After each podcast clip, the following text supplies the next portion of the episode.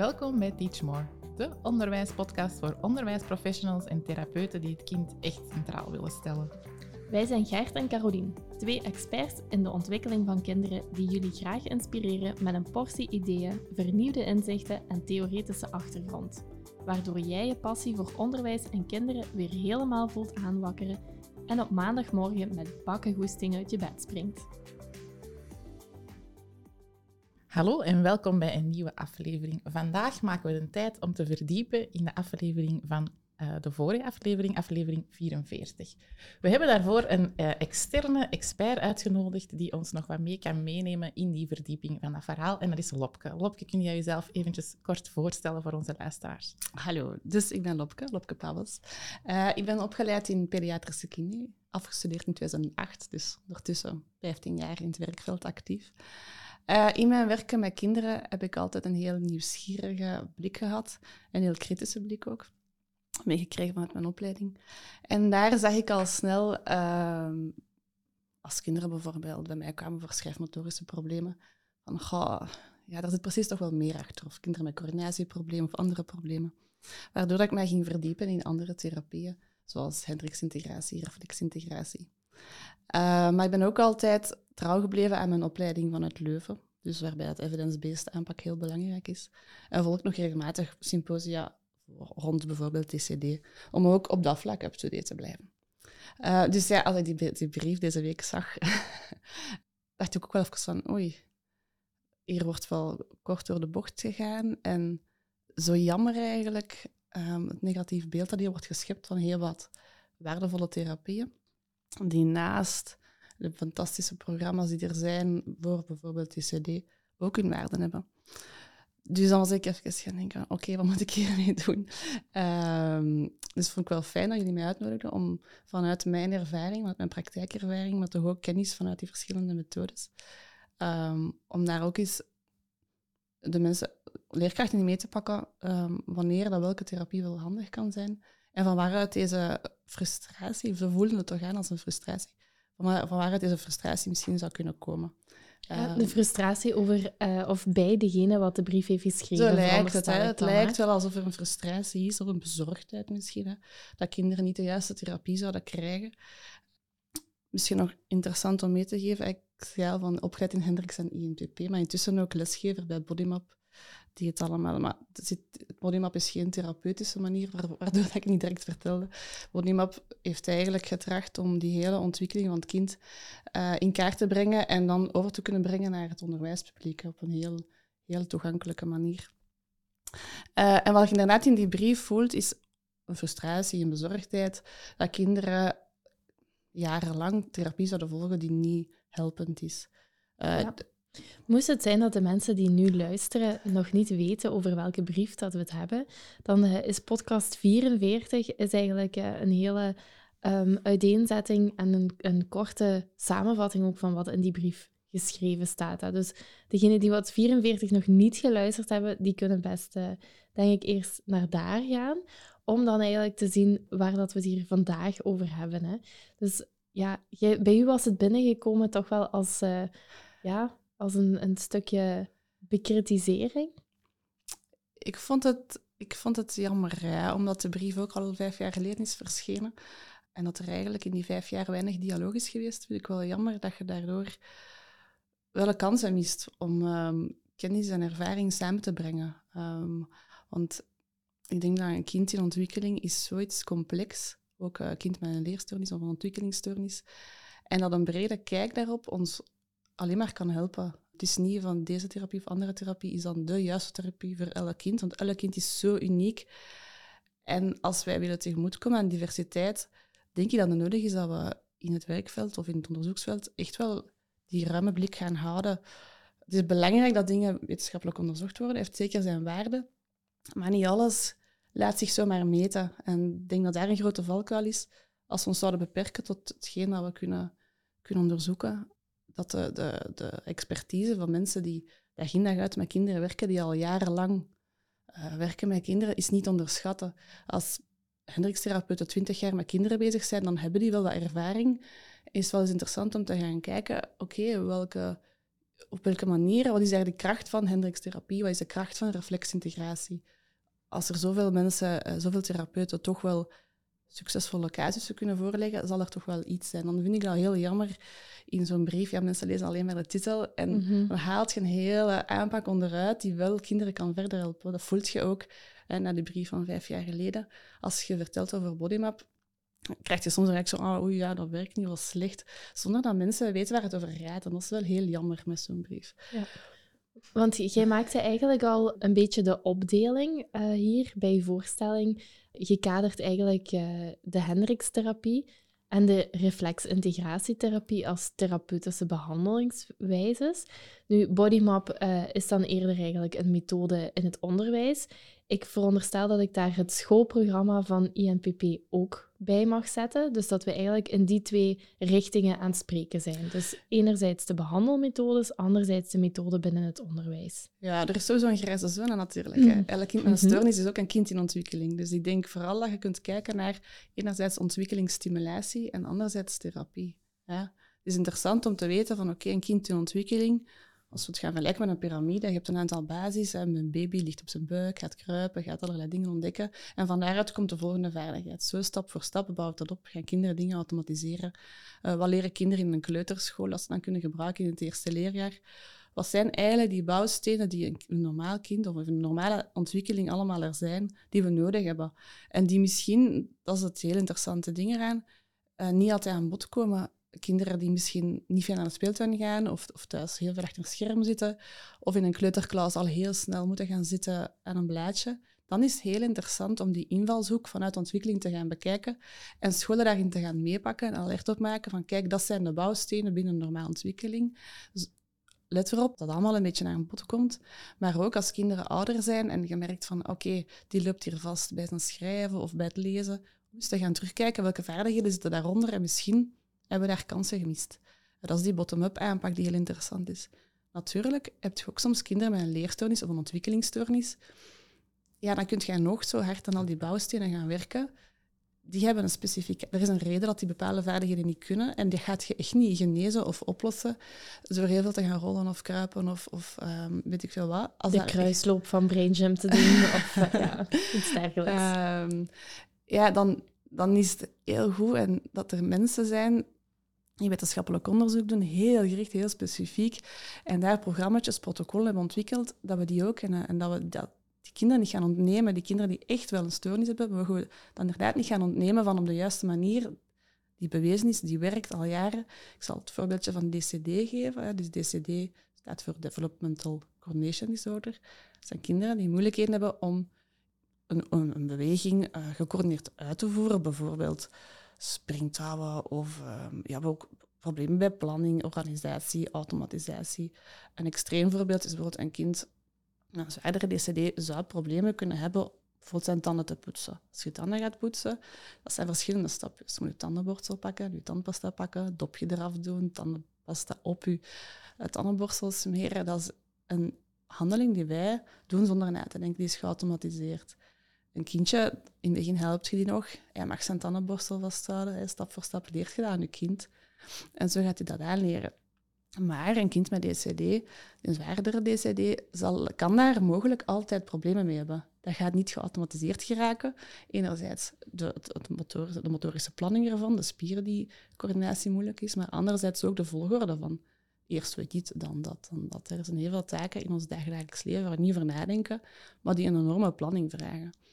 En daarvoor zijn methodes ontwikkeld, zoals COOP en TT is heel gekend binnen de wereld van DCD, die heel taakgericht gaan werken. En dan betrekken we het ICF-model, functie, activiteit, participatie. En gaat echt kijken van, oké, okay, kind komt hier bij mij in de praktijk, wat vind je lastig, wat kun je niet? Ah, ik wil graag leren fietsen, of ik wil mijn, mijn tandenborstel, mijn tanden zelfs kunnen poetsen. Mhm. En dat is het hele mooie aan die aanpakken. Die vertrekt echt vanuit een heel concrete zorgvraag. En dan gaat je een programmaatje aanbieden die, die kinderen helpt om specifiek die vaardigheid te trainen. Ja. Dus dat, die bezorgdheid snap ik. Want er zijn, hè, dat is bewezen, dat werkt, dat gaat goed. En, dan... en we hebben het hier ook over de kinderen die effectief dat niet gaan leren zonder die ondersteuning. Ja, inderdaad. Terwijl dat zo cruciaal is. Hè. Ook op school. Um, een kind die bijvoorbeeld ja, zijn boekentas je, je agenda meepakken en overal aan denken en alles in de boektas op school steken en thuis steken. Dat, kan, dat is niet te onderschatten voor een kind met een zware DCD, wat dat je, hoeveel denkwerk dat daar... Hoeveel stapjes dat eraan Hoeveel vooraf stapjes gaan. dat daaraan vooraf gaan. Hè. Eh, ik heb een kindje gezien in de klas die eigenlijk die zit aan zijn bankje en heeft zo een lessenaar, zoals vroeger. Hè. Dus je mopje zitten zo onder je bank. En die zat redelijk dicht tegen zijn bank. Dus de juf vraagt van, ah, pak je rode map of zo uit je, uit je bank. Dat kindje blokkeert van, ah ja, je moet dat pakken, want wat moet je eigenlijk doen? Een ander kind gaat dat vlot, dat die schuiven achteruit, die steekt een hand onder en heb je een map. Maar een kindje met DCD, die moet denken, oei, ik moet hier onder mijn map, maar ik zit hier tegen mijn bank, ik kan daar niet aan. Dus dat is niet onderschatten, hè, wat daar allemaal, bij welke stapjes erbij horen. Van oké, je moet achteruit gaan, gaan zitten. En dan, dus dan is die kennis wel heel belangrijk. Hè. Mhm. En als jij dan eh, gaat aangeven als leerkracht van, ah ja, ga een keer zoeken bij iemand in de buurt en daar is iemand die enkel INP heeft gevolgd of enkel met iets bezig is, bij met een andere methode bezig is, dan zou het wel jammer zijn dat hij dan allerlei oefeningen gaat doen en die gaan inderdaad die specifieke taken, dat is nu, ik kan even een ander voorbeeld geven, hè, leren fietsen of Ja. kunnen knippen. Ja, daar zijn methodes voor om dat, om dat aan te leren aan die kindjes. Dus die frustratie snap ik volledig. Maar even goed. Mogen we er niet van uitgaan dat elke kine met een, een goede opleiding daarin juist ges- ge- opgeleid is om uit hun rugzak te gaan kijken van wel, kindje zit er voor mij, wat heb ik hier te doen? Ja, daar zou, ja, daar zou hopelijk vanuit kunnen gaan. Ja, ja. Ja soms natuurlijk, als je zo'n opleiding gaat volgen, het goede is dat die mensen, als je Hendriksopleiding of INPP gaat volgen, dat wordt door mensen gegeven die helemaal begeesterd zijn. hè, ja. Inderdaad, dat is wat ik zocht. Door die methode. Ehm, en dat is goed, dat is nodig. Hè, dat- om die methode te kunnen overbrengen. Maar dan is het natuurlijk aan u als kine om kritisch te gaan zijn. Om dat naast u, achter, ah, vanuit uw achtergrond dat je hebt als opleiding te gaan leggen. Omdat dan maar uiteraard, maar dat heb je in alle, Mhm. alle gezondheidstakken, hebben mensen die ja, daar extreem in kunnen gaan. Ik zal nog misschien een ander voorbeeld geven wanneer de ene therapie of de andere therapie eh, interessant kan zijn. Want uiteindelijk, voor elke taak heb je altijd een... een eh, hoe ga je kijken naar een taak die je doet? Puur naar het functie, wat, je ziet, wat zichtbaar is. Hè, bijvoorbeeld bij die tanden poetsen en, en, en die tan- de, de dopje eraf draaien en tandpasta erop doen. Dat is puur de taak. Maar altijd, dat is dan Hendrik, Hendrikstherapie, ga je kijken van, oké, eerst en vooral is er een soort van tonusorganisatie. Hè, tonus is eigenlijk, we hebben allemaal spieren, we hebben een bepaalde basisspanning. Als jij er nu ziet, is er een spanning om je rechtop te houden. Maar even goed, als jij bijvoorbeeld gaat tennissen of, of, padellen of je doet iets, ja, dan op het moment dat je met de raket wil zwaaien, moet je romp zich wel stabiliseren. Ja, je hoofd draait naar alle kanten. Dus die verbinding tussen je hoofd en je lichaam, die moet vrij kunnen zijn. Anders gaat je allerlei spieren opspannen en gaat je geen soepele bewegingen kunnen doen. Dus dat is heel vaak de insteek vanuit, vanuit Hendricks of, of reflexintegratie. Is die romp eigenlijk? Hoe zit dat in die romp? Kan die zich oprichten? Hoe zit de relatie tussen hoofd en romp? Want dat is eh, een heel interessante invalshoek, omdat dat ook bij een kind met DCD of bij iedereen speelt dat ook mee. Ja, zit daar ook, bij elke taak dat je doet, zit dat erachter. Moeten we ons eerst gaan stabiliseren? Hebben we een romporganisatie nodig? En dat stukje is ook waardevol bij kinderen met DCD. Ik heb eh, tien jaar in het buitengewoon onderwijs gewerkt, ook met kinderen met zware DCD. En daar deden wij, eh, dus daar ging ik ook aan de slag met spe- spe- specifieke taakjes. Als een kind iets wil leren, of leren fietsen of wil leren knippen, dan, dan gaan wij die koop, koop NTT gebruiken. Maar evengoed is die reflexintegratie ook interessant. En dan zijn we met de klas een, bij zo'n programmaatje gedaan om terug te gaan kijken van oké, hoe kunnen we ervoor zorgen dat die romp wat sterker wordt. Want je mag niet onderschatten, als je in de klas zit, zit op een stoel, maar op een stoel zitten is eigenlijk helemaal niet zo gemakkelijk.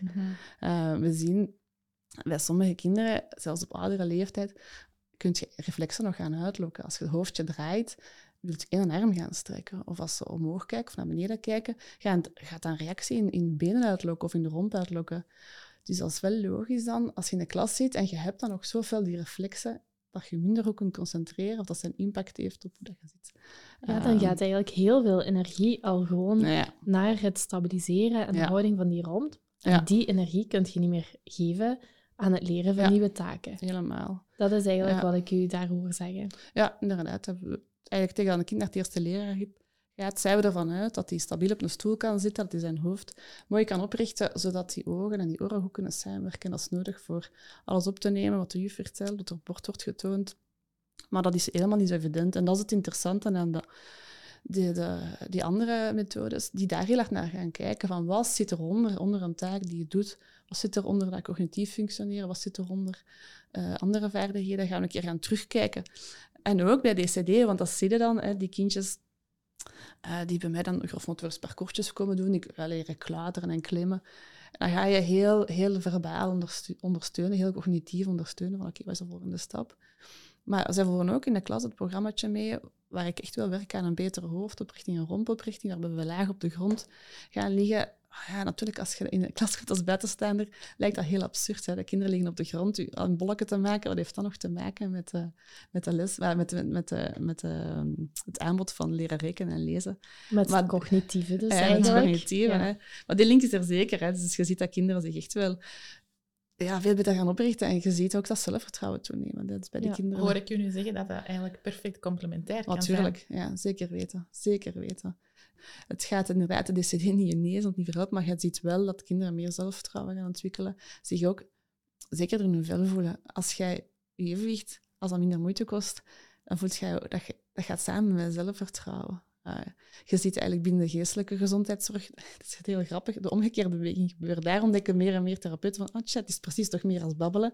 Daar zit ook eh, dat lichamelijk mhm, luik. absoluut, kan ik alleen maar beamen. dat is een fantastische evolutie die daar gebeurt. Hè. Dat we het ook naar de basis gaan kijken. Dus het zou jammer zijn dat wij nu vanuit, van het neuromotorische de omgekeerde beweging zouden maken. Um, dus die link is er zeker en zeker complementair, dus dat breed kijken. Um, om dan nog even toe te lichten van die reflexen. Bijvoorbeeld, ik je een casus geven. Een kindje van het eerste leerjaar, dat was de periode van corona. Dus die had in de derde kleuterklas, was hij niet naar school geweest, was hij thuis geweest. En in het eerste leerjaar had hij problemen om te leren schrijven. Een heel krampachtige pengreep. Um, ja, heel, veel moeite om die lettertjes aan te leren. Dus die kwam bij mij. Dus dan kunnen zeggen, oké, ja, we gaan dat extra aanleren. Maar dan is het interessant als je de achtergrond hebt van reflexintegratie, om te weten van wat komt er eigenlijk voor een dynamische pengreep, wat heb je nodig om te kunnen schrijven. En dan is die palmaire reflex, dat is de grijpreflex. Wat we allemaal doen als we een babytje gaan bezoeken, zo je vinger in die hand leggen en dan knijpt die toe. Dat is die reflex. En normaal zijn graag geïntegreerd. Als je kruipt of als je met zand en modder speelt, met gras en plasticine, dan vermindert die gevoeligheid. Je, handen worden selectiever, je kunt spiertjes apart aanspannen, die vuistgrip raakt daaruit. Maar dat kindje, hij was dus de derde kleuterklas coronatijd, en had thuis, door omstandigheden, ik zag ook weinig speelgoed, eigenlijk weinig aanbod gehad. En ik wrijf eens door zijn, over zijn handje en ik zie dat hij eigenlijk nog toeknijpt. Dan weet ik van, ah, oei, die reflex is nog te actief. Dan ga ik niet aan die mama allerlei krul en, en kruloefeningetjes meegeven en lusjes en tekendingetjes. Maar dan geef ik een potje plasticine mee of allerlei ideetjes van, oké, doe dat elke dag. na een paar weken ziet je eigenlijk nog een enorm verschil. Dan heb ik totaal niet aan die taak gewerkt. Dan zie je wel die taak verbeteren door terug te kijken. dus dit is eigenlijk een simpel voorbeeld van oorzaak-gevolg. Het gevolg is die pengreep. Dus je zou taakgericht kunnen werken aan die pengreep. Maar hetgeen wat jij hebt gedaan is aan de oorzaak gebouwd, waarbij dat je dan eigenlijk aan die, uh, die grijpreflex werkt. Ja. en stel nu dat dat kindje van het eerste leer een kindje met DCD zou zijn, die mogelijk ook problemen heeft om zijn letters te vormen, dan kan beide interessant zijn. Misschien kan daar nog extra stimulatie van die reflex ook interessant zijn. Ja, want sowieso automatisatie en al die verloopt ook gewoon trager. Mhm. Maar die gaat ook een, een hulpmiddel nodig hebben op dat heel functioneel niveau. Ja, dan gaat je langer zeggen van oké, geef die een voorbeeld hè, met potlood eerst. Of niet één voorbeeldje een keer de kus schrijven en dan moet hij het zelf doen. Maar dan gaat meer moeten kunnen overschrijven. Of je gaat met een groene bol en een rode bol nog meer houvast geven.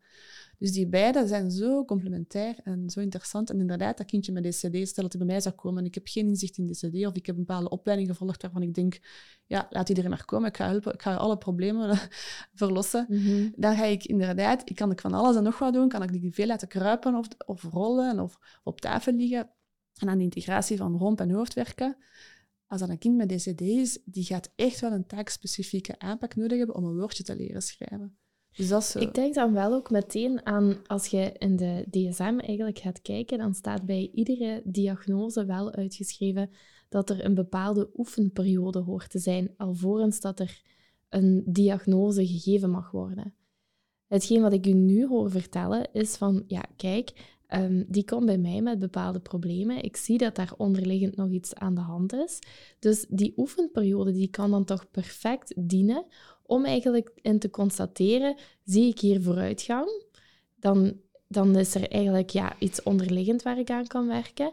En zie ik geen vooruitgang, dan kunnen we naar die diagnose overgaan. Daarvoor dient die oefenperiode toch binnen onze diagnosestelling. Ja, zeker. En daar denk ik dat ook enorm de kracht van uh, ervaring ligt. Van mensen die dag in dag uit met kinderen werken, die expertise opbouwen. Um, dat is niet te onderschatten hoeveel dat die gaan zien, zonder dat ze dat zelf uh, kunnen benoemen. Of zo. Ja. Dat, dat giet je niet in een observatieprotocol of zo. Nee, dat is de kracht is van ervaring. Van, ervaring. Mm -hmm. uh, van dat gevoel van... Oké, okay, ja, tja, ik denk dat er wel mogelijkheden liggen door te gaan terugvragen naar ontwikkeling, uh, de eerste levensjaren. Gaat je snel merken van, ah, daar heeft hij een paar kansen gemist. Of gevoeld van, nee, ja, nee, er zit, dat, dat zijn dingen dat, dat je niet in een. Ik vind het ook mooi dat je echt gaat voelen van wat zijn die behoeften, wat komen de kinderen eigenlijk vertellen met hetgeen dat ik hier zie. En dan vanuit je rugzak, uit ervaring, ja, ga kijken, ja. oké, okay, waar ga ik even een stapje terug? Wat kan ik hieruit ontdekken? Wat kan ja. ik meenemen? Wat werkt er wel, wat werkt er niet? Maar ik denk is geen ook, exacte wetenschap. Voilà, langs de andere kant, ik denk ook dat er geen enkele kine gaat zeggen, ik ga je genezen. Nee, maar wat je wel merkt, um, dat mensen soms, ja, mm, dat mensen soms opleidingen gaan volgen, of toch niet altijd de achtergrond van, van kine of, of ergo Mhm. hebben. En sommige opleidingen worden ook toegankelijk gemaakt, waar op zich niks mis mee is, want dat is goed om bepaalde kennis te delen. Maar mensen gaan soms wel hun, hun dan gaan promoten ehm, alsof dat ze allerlei problemen kunnen gaan aanpakken. En daar moeten we inderdaad alert voor wel, maar zijn. dus ik wil zeggen, geen Maar er is geen enkele expert die gaat opleiding. zeggen, die dat gaat genezen. Hè? Ja, nee, nee, tuurlijk niet. Voilà. Nee, het is dat. Een geschoolde expert Voilà. jij dan? Ja. Ja, en wel, om al te weten van, ga ik een goede doorverwijzing doen? Als iemand gaat zeggen, ik ga Ja. echt iets genezen, dan mogen er Ja. eigenlijk al je Ja. voelsprieten gaan recht zijn van, oei, dat is misschien niet de therapeut Ja. die mij kan Maar verder dat helpen. zijn individuen. Er is geen enkele opleiding die beweert dat ze, alle, dat ze de gouden formule zijn of dat ze alle ontwikkelingsverleerstoornissen kunnen verhelpen. Er is geen enkele opleiding die dat zegt. Hè. Ja. Maar die wel eh, zegt van, pas op, soms is het interessant om onderliggend te gaan kijken, om naar de ontwikkeling te gaan kijken. Want soms zien we symptomen van, maar eigenlijk ja, ligt, als we gaan werken aan wat eronder ligt, zien we het ook verbeteren. Dus dat is een beetje die grijze zone eh, die ook wel interessant is. Een ander voorbeeldje... El... Maar is dat dan ook niet de grijze zone die wat ontwikkeling heet? Ah, Ja, voilà. Ja, ik wou juist zeggen, we gaan hen toch gewoon die kansen geven om verder te ontwikkelen en te laten groeien en bepaalde tools te geven waardoor dingen wel gaan kunnen ja. of lukken. Ja. Ehm, en dan nog een interessant voorbeeldje misschien, hè, waarom dat zo interessant is om soms een beetje terug te kijken in de piramide, wat de ontwikkeling van een kind een beetje is. Eh, een jongetje, vijfde leerjaar, kwam bij mij, die al snel rugpijn had in de klas. Dat is toe zit, hè. vijfde leerjaar is toch redelijk jong om van rugpijn te klagen. En een hele krampachtige pengreep ook. En dan ben ik eens gaan navragen bij die mama van, hoe is ze geweest als baby? Hij lag hem graag op zijn buik en zo. En heeft hem gekropen. En, en toen bleek dat dat kindje zo in zo, kent dat wel, zo'n hangertje op wieltjes. Dat je zo in, in hangt en zo net niet of net van de grond kunt. Als ze op hun typicus zich Meestal is dat zo, ja, inderdaad op de tenen zo een loopwagentje. Een loopwagentje. Ja, zeggen, dat is een officiële term. Zoiets. Mm. eh, waar ze ook in te hangen en dan speelgoed rond u. En super handig voor ouders die het druk, druk hebben. Want kindjes zijn vaak heel, cont heel content daarin, omdat ze ja, wat hoger zijn en dus dichter bij uw wereld, waarin het zo interessant lijkt. Ehm, dus die jongen had gigantisch veel tijd in zo'n een karretje doorgebracht. Ehm, en dan is het wel voor mij, denk ik, aha, fantastisch, die liggen keihard kansen voor mij. Want die heeft daar toch een stuk gemist in zijn ontwikkeling. En als je die dan... Ik had even gewoon kunnen zeggen, oké, we gaan een schrijven oefenen en we gaan nog een keer de letters. En, Dat, zou, hè, dat zouden ze vaak zeggen, in een vijfde leerjaar moeten we niet meer teruggaan. Ja, zo, hè? nee, nee. Terwijl het dat interessant een- is om te ja, kijken, want jij hebt dan een bredere ja. kijk, een bredere rugzak, en dan ga je wel kijken, oh, hier liggen Ja. keihard mogelijkheden voor mij. Ja, ja, en als je die dan zegt van oké, elke dag, want dat hoeft niet, niet lang te duren, hè, elke dag vijf à tien minuutjes en we gaan terug die opbouwen van terug eenmaal op de buik, hoofd oprichten, linkerkant leren samenwerken, rechterkant leren samenwerken, dan pas het gekruiste. En zo stap voor stap, handen, knieën stand en de rechter. Totdat die romp beter is om zichzelf op te richten, ja, dan gaat je ook je schouder, je pols gemakkelijker, fijnere bewegingen kunnen doen, want dan moet niet die energie naar die, naar die romp gaan. Ja. Dus ah, ik had het dan bij de jongen ook getest, eh, die reflexen. En dat is ongelooflijk hoeveel je dan kunt uitlokken nog.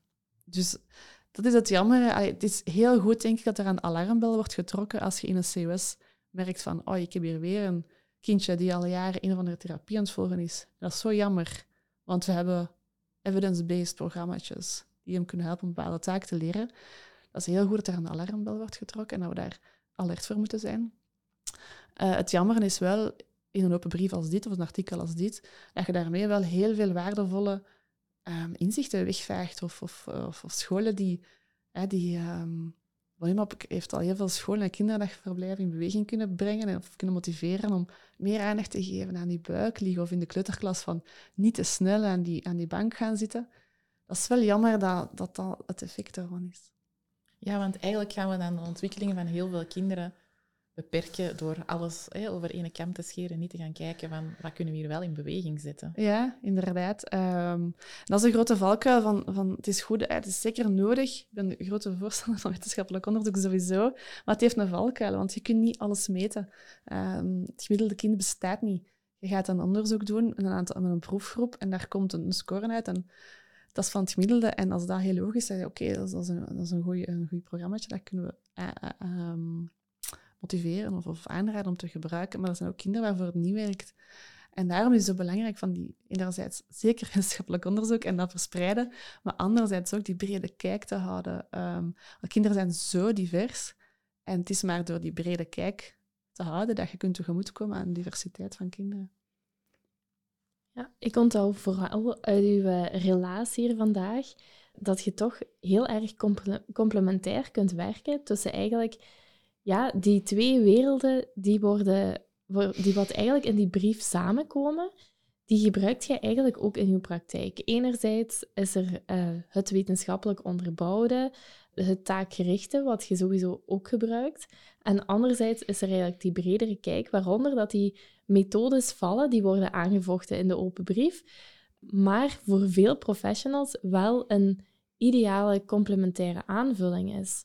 En dat ze eigenlijk dat al die methodes in uw rugzak mogen zitten of in uw gereedschapskist. En afhankelijk van het kind wat voor u zit, de observaties die jij doet, dat je eigenlijk gaat kiezen met welke tools in mijn gereedschapskist ga ik hier aan de slag. Ja, en het is nu niet dat ik voor elk kind dan uh, ga, ga, weten van oké, okay, dat moeten we hier doen. Ik denk vooral um, dat onze eigen kwetsbaarheid daarin mogen, mogen erkennen of zo. Um, niet aan op zoek gaan naar de gouden formule of die therapie is de, de therapie. Hendrikstherapie is sowieso goed voor alles, of reflexintegratie, of dat of dat. Het is, het is, uh, het is zoeken en het is naast elkaar. En de zekerheid is er ook gewoon niet. Allee, ja. Gewoon dus- elkaar verrijken. En ja, zelf met een open blik open blijven stellen voor alle nieuwe inzichten die maar blijven komen. Eén menselijk brein is niet genoeg voor, voor dat allemaal te kunnen vatten. het is echt die samenwerking dat we keihard nodig hebben over de verschillende disciplines heen. Mhm. Ehm, en um, ja, oppassen dat we geen bruggen naar elkaar verbranden of zo. Ja, dat maakt ook dat, waarom uh, wij het zelf een meerwaarde vonden dat jij hier vandaag uh, zijt. Want binnen Teachmore wordt natuurlijk Brain Gym onderwezen, uh, een stukje van INPP, het schoolprogramma, wordt hier onderwezen. Maar bodymap bijvoorbeeld is een ding wat hier niet onderwezen wordt, maar het staat natuurlijk allemaal kort bij elkaar. En jij bent dan weer een bodymap trainer die wat ook wel geschoold is binnen de INPP, binnen de Hendricks-therapie. Dus eigenlijk, uh, wij zitten hier vandaag bruggen te bouwen. um, en ik denk ook dat we die, die professionaliteit die we toch vanuit die verschillende methodes die we toch ervaren en, en de meerwaarde die we zien dat we bieden binnen de scholen en de onderwijsinstellingen, dat we daar toch wel echt mogen komen tot de conclusie dat die methodes, dat die zeker wel een hulp zijn in de handvaten die de leerkrachten momenteel nodig hebben binnen het onderwijs. Ja, die nood is er zeker. Uh, ik heb ook een tijdje als ondersteuner gewerkt. Dus dat ziet je, mensen leerkrachten merken meer en meer de diversiteit van kinderen op en labels die er worden eh, gesteld is de noodzaak van oké, wat kan ik hier met dat kind doen? Uh, wat ook wordt voorgesteld in die brief is van ga naar CLB. Wat, op zich wel een goed idee is. Maar we moeten ook realistisch zijn. Daar is niet altijd de juiste expertise. Um, of soms een, een, heel, een heel lang proces. De school moet van alles eerst proberen voordat hij naar CLB kan. Dan moet je nog wachten op CLB en ondersteuningsnetwerk. En dan moet je nog het geluk hebben dat je de juiste expertise op de juiste plaats kan krijgen. Dus je kunt de ouders niet kwalijk nemen als ze zelf op zoek gaan um, naar een therapeut of zo Dus daar, ook daar ja, is, het een, is een samenspel, is het een dialoog. Therapeut met de school, wat kun je als therapeut naar de school brengen? Of als er een ondersteuner is, hoe kan die zijn expertise overbrengen naar de school? Daar valt nog wel wat... Uh, dat is toch wel wat groeimarge, denk ik. Ik denk dat wij ook met deze podcast aan ouders en leerkrachten willen laten voelen van uw doorverwijzing naar mensen die met die therapie werken, is niet fout. Hè? En ik denk dat wij daarom ook u als expert hebben uitgenodigd, van die heeft een kineopleiding en die gebruikt verschillende manieren om met die kinderen aan de slag te gaan. Ik denk ook dat ze daar wel een beetje willen meekrijgen. Je vertelt ook hoe waardevol het is om die reflexintegratie naast je specifieke programma's te gaan gebruiken. Dat dat echt perfect complementair kan zijn. En ik denk dat we dat ook wel een stukje willen meegeven. Natuurlijk is dan weer de valkuil van wanneer gaat het doorverwijzen. Gaan we elk kind van zodra dat we zien, uh, wat, is, wat is optimaal en wat is nodig of zo. Hè? Daar is ook een beetje een, een, dat snap ik, iets van school waar scholen ook op, op gaan waken. En die elk kind die een beetje afwijkend is in zijn mhm. ontwikkeling gaan doorsturen en een soort van zorgkind van maken, want die belasting mocht je ook niet onderschatten. Hè. Of wat dat met een kind doet, hè. je moet dan naar een kine of een logo gaan en gaan therapie geven. En dat is, ik denk dat dat wel een verantwoordelijkheid van kine of logo is, om echt wel alert te blijven van, is hier therapie nodig? Uh, hoe lang, hoeveel kan ik, kan ik vanuit wat mhm. ontwikkelingstips u verder helpen? Hoor ik u nu eigenlijk zeggen dat uh, een doorverwijzing is oké om de observatie of een bepaalde test door te maken, maar dat het niet per se dan een noodzaak is om ieder kind die getest wordt ook te behandelen? Ah ja, zeker. Ja. Dat, want dat vind ik dat heel vaak Ehm, heel vaak gaan we ervan uit, of gaan, gaan mensen ervan uit, wanneer dat er een doorverwijzing is, dat er ook onmiddellijk iets echt aan de hand ah, is en dat er ook een behandeling moet volgen. Maar dat is niet altijd zo. We mogen die bezorgdheid uiten. En een, een goede kine, en een, een kine die niet uh, op zoek is om zijn uurrooster te vullen, die gaat eigenlijk gewoon echt de test ondernemen die gaat daar een conclusie uit maken en gaat van daaruit beslissen, misschien is een adviessessie voldoende, um, of misschien uh, um, even samen zitten met de, met de leerkrachten. Die doorverwijzing mag er zijn, maar we hoeven er niet altijd mee aan de slag te gaan. Ja, dat is wat ik ook vaak zeg bij babytjes of zo, als ze niet op hun buik liggen. Of, dat is het heel interessant van al snel een keer toch eens langs te gaan bij een osteopaat of een kine, omdat je dan soms met een paar tips kunnen dat is die basis van die piramide. Kun je echt wel al in de basis dat kind verder helpen. En hoe langer dat je wacht, hoe, groter, hoe lastiger om, om bij te sturen soms. Dus um, even langs de kinderen gaan, dat wil niet zeggen dat dat kind direct allee, weet, grote problemen heeft, maar dat kan wel helpen om ouders wat inzicht te krijgen in ontwikkeling. Want um, ja, die is er helaas niet altijd. Hè? Ja, in mijn themadagen um, die ik geef rond eerst bewegen, dan leren. Daar heb ik het ook vaak over van, ja, kijk, die oefeningen die zijn inderdaad niet heiligmakend. Maar het is wel zo, misschien kunnen we stukjes in die ontwikkeling net iets gemakkelijker laten verlopen. En ik denk dat ik dat hier hoor, dat jij ook al uh, aangeeft van, ja, eigenlijk kan dat al in die hele vroege basis van rollen, van uh, kruipen. En het vergemakkelijkt de rest van de ontwikkeling. Weet je wat zo leuk was? Mijn jongens, ik heb twee jongetjes, ze zijn acht jaar. Die opleidingen, Hendrix en PP, heb ik gevolgd als ik zwanger was telkens. En dan is het zo interessant als je met de kinderen naar de speeltuin gaat, om dan te gaan observeren wat die eigenlijk allemaal aan het leren zijn. Dat is ongelooflijk hoe waardevol een speeltuinbezoek is. Bijvoorbeeld, je hebt zo van die pannenkoekdingsjes dat je zo moet gaan opzitten. Je ja. hoe vastpakken en je zit daar dan op. En dan mhm. zo, en dat is kei tof. Vroeger was dat echt zelden. Dus tegenwoordig hebben we veel speeltuinen. Dan, ik vond dat toch super tof. Dus, en wat, wat zie je dan? In het begin is het nog heel moeilijk om je spieren zo apart te controleren. Je gaat soms alles tegelijk als je iets nieuw aan het leren bent.